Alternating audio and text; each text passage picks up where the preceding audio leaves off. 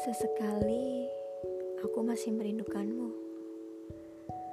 Merindukan percakapan kita yang tak pernah penting, namun menyenangkan hati.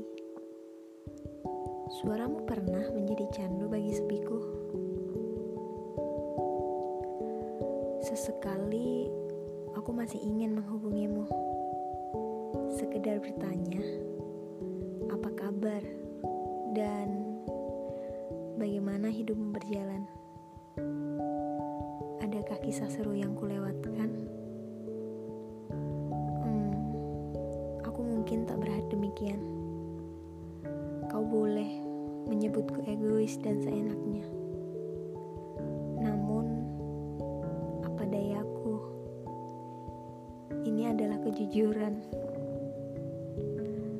Aku masih sering mengamatimu dari jarak jauh tentunya. Tentu, kau tidak akan pernah tahu.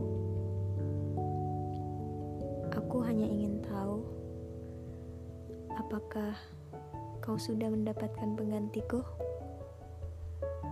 Apakah ia baik? Apakah ia rupawan? Apa ia terdidik?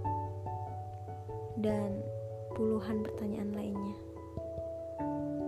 Jangan khawatir, tak akan kudoakan yang buruk terjadi padamu. Karena